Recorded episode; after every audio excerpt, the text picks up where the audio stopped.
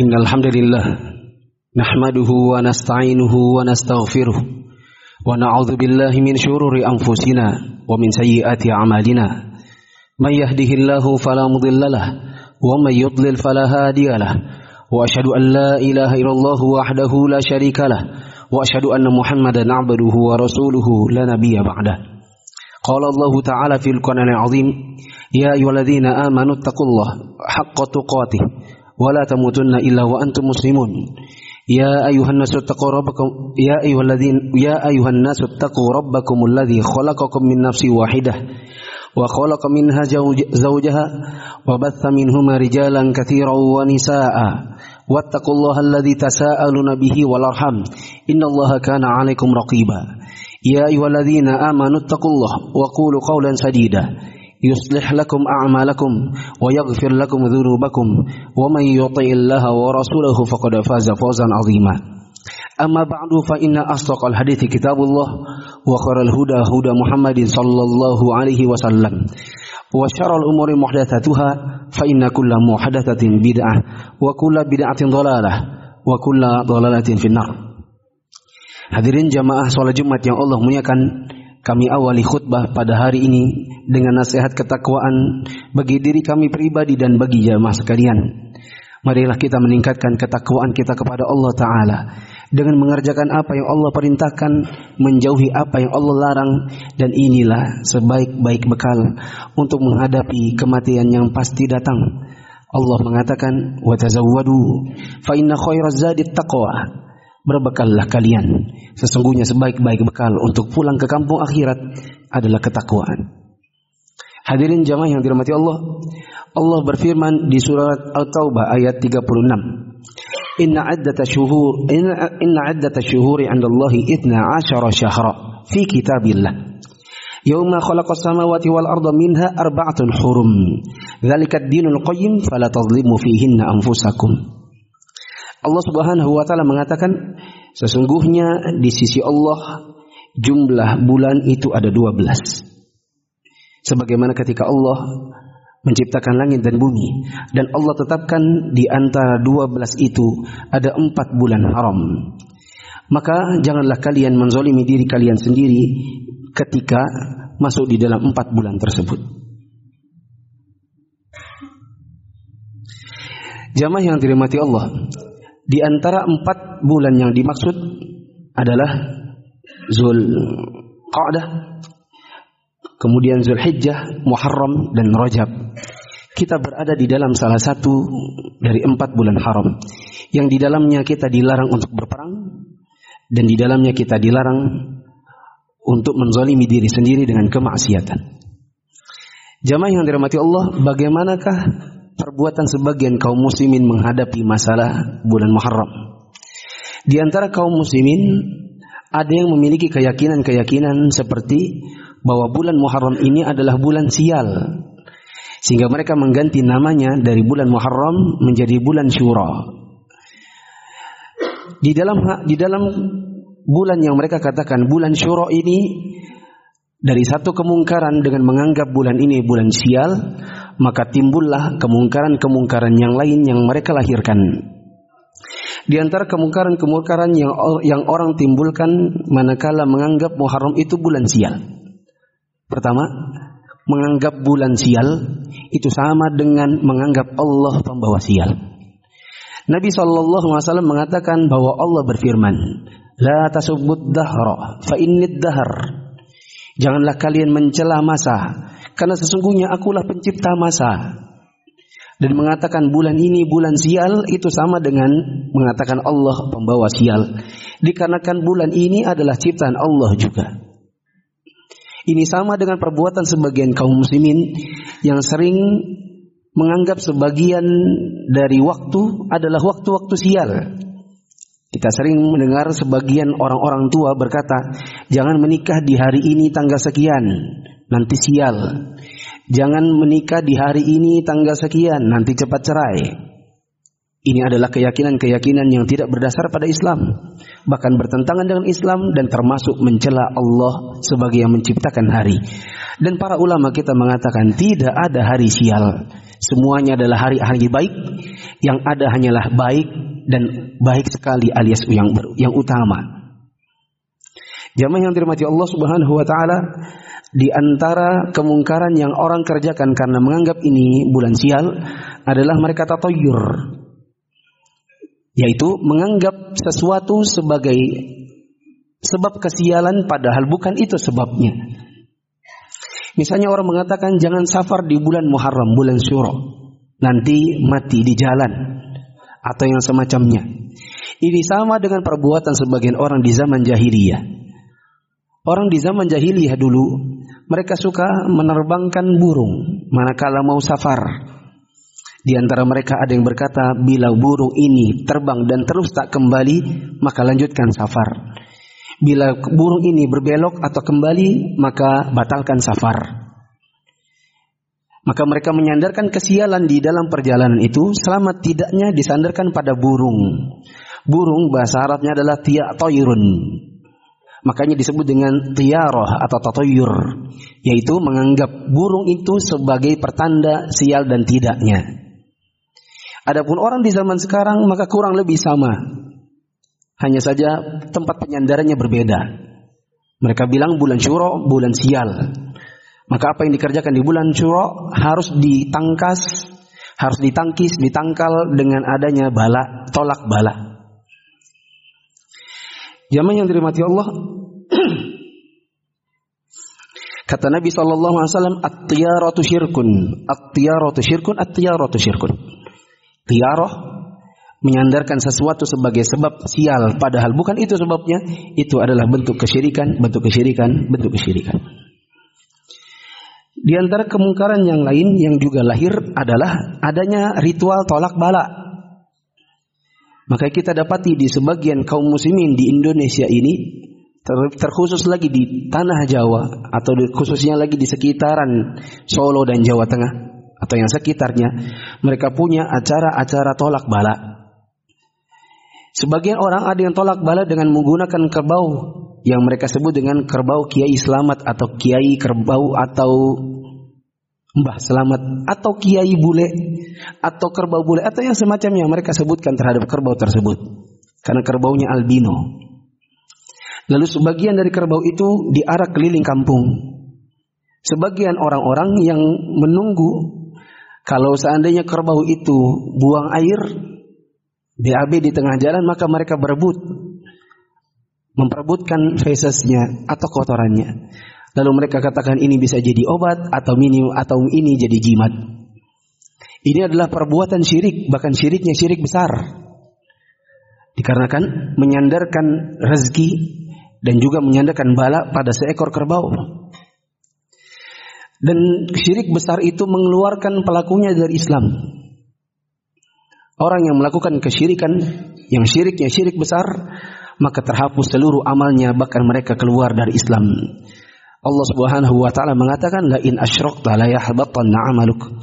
Bila engkau berbuat syirik, maka terhapus seluruh amal-amalmu.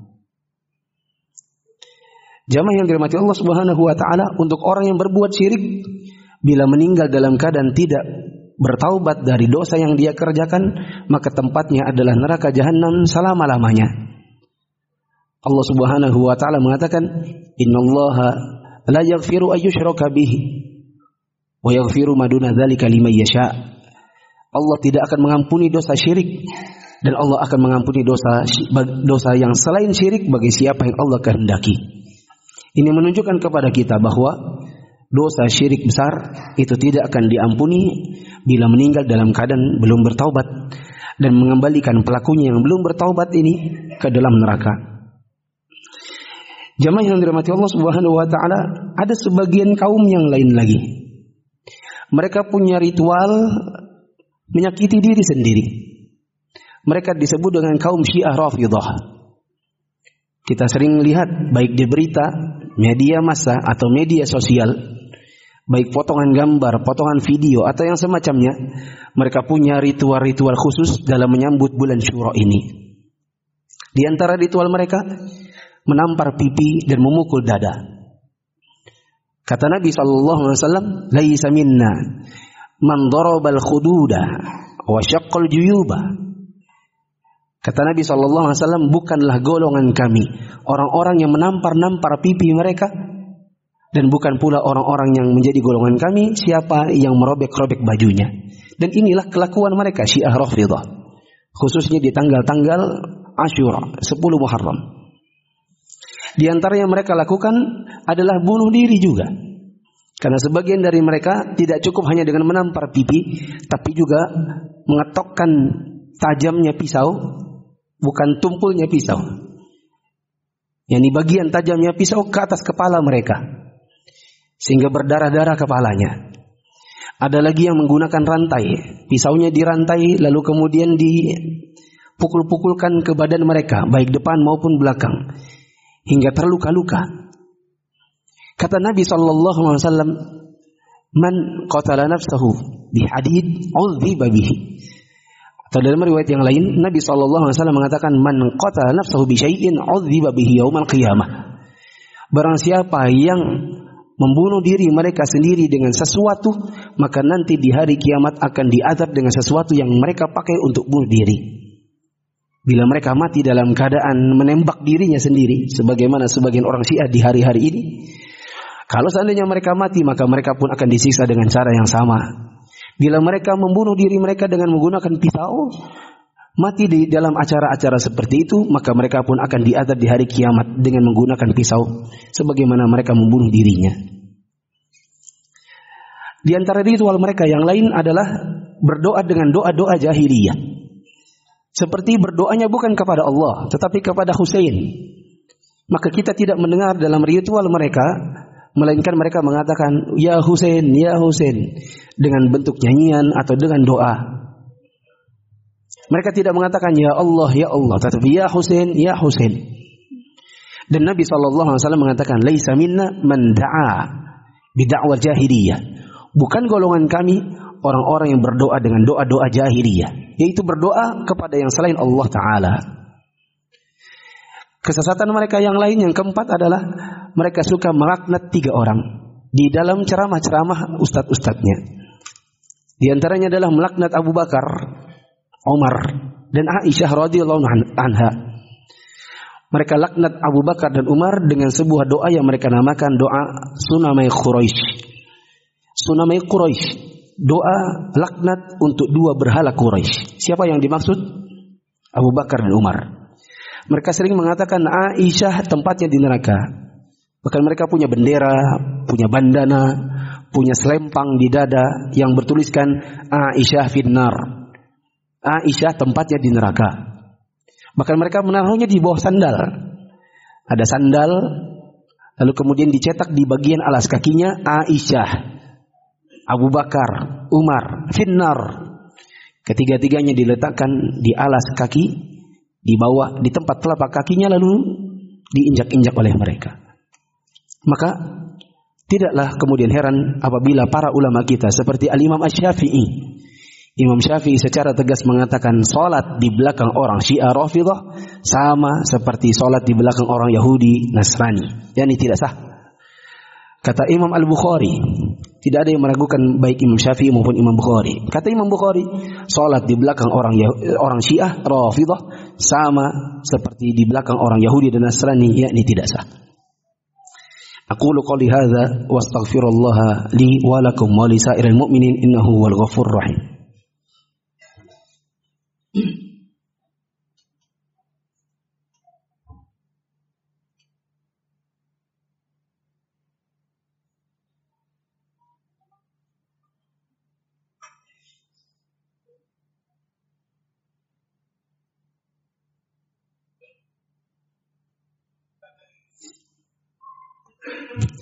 Alhamdulillahi wa kafa Wassalatu wassalamu ala rasulillahil mustafa Wa ala alihi wa ashabihi wa man tabi'ahum bi ihsanin ila yaumiddin Hadirin jamaah yang dirahmati Allah Subhanahu wa taala Adapun al-Muharram bulan Muharram di dalam Islam atau di dalam sunnah maka di antara cara penyikapannya adalah yang saya sebutkan di khutbah yang pertama tadi dilarang berperang. Di dalamnya tidak berperang antara kaum muslimin dan orang kafir. Yang perang yang dimaksud adalah perang fisik. Adapun perang pemikiran maka ini terus berlanjut dalam dakwah. Yang kedua adalah menjaga diri dari maksiat. Yang ketiga, memperbanyak puasa sunnah. Bagi siapa yang mampu melakukannya, maka dianjurkan bagi mereka untuk mengisi bulan mereka dengan berpuasa sunnah. Kata Nabi sallallahu alaihi wasallam, "Inna afdal siyami ba'da Ramadan syahrullahil muharram." Sesungguhnya sebaik-baik puasa adalah puasa di bulannya Allah yaitu bulan Muharram. Bagi yang tidak mampu melakukannya, untuk mengisinya dengan berbagai puasa, maka setidak-tidaknya mereka melakukan puasa Ashura dan Tasu'a.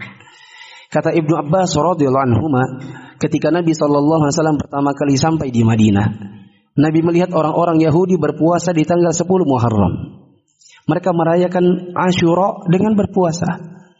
Maka Nabi sallallahu alaihi wasallam bertanya, "Mengapa orang-orang itu berpuasa? Ini hari apa?" Maka di antara para sahabat ada yang berkata, "Ya Rasulullah, di hari tanggal 10 Muharram itu mereka meyakini itulah hari selamatnya Musa dari kejaran Firaun.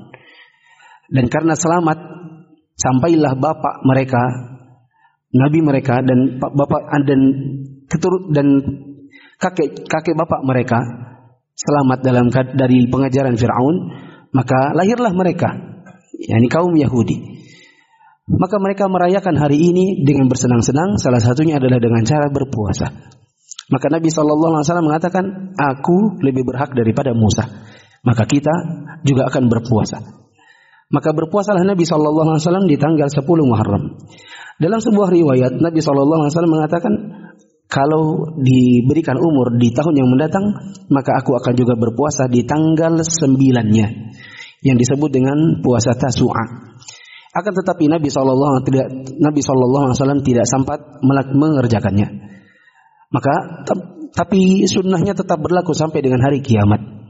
Maka disunahkan bagi kaum muslimin untuk berpuasa tanggal 10 dan tanggal 9. Tanggal 10-nya sebagai hari Ashura dan tanggal 9 puasanya puasa Tasu'a dalam rangka untuk menyelisihi ibadahnya orang-orang Yahudi yang juga berpuasa di tanggal 10-nya. Jamaah yang dirahmati Allah Subhanahu wa taala yang juga dituntunkan bagi orang-orang kaum muslimin di dalam bulan Muharram adalah memperbanyak amalan-amalan ketaatan baik yang wajib maupun yang sunnah yang mungkin mereka tidak kerjakan di bulan-bulan yang selain bulan haram yang empat yang saya sebutkan di khutbah yang pertama tadi. Mungkin ini yang dapat kami sampaikan pada khutbah hari ini. Kesimpulan, bulan Muharram termasuk bulan haram ada dua cara penyikapan. Penyikapannya orang-orang yang tersesat di dalam Islam dan penyikapan ala sunnah Nabi Sallallahu Alaihi Wasallam.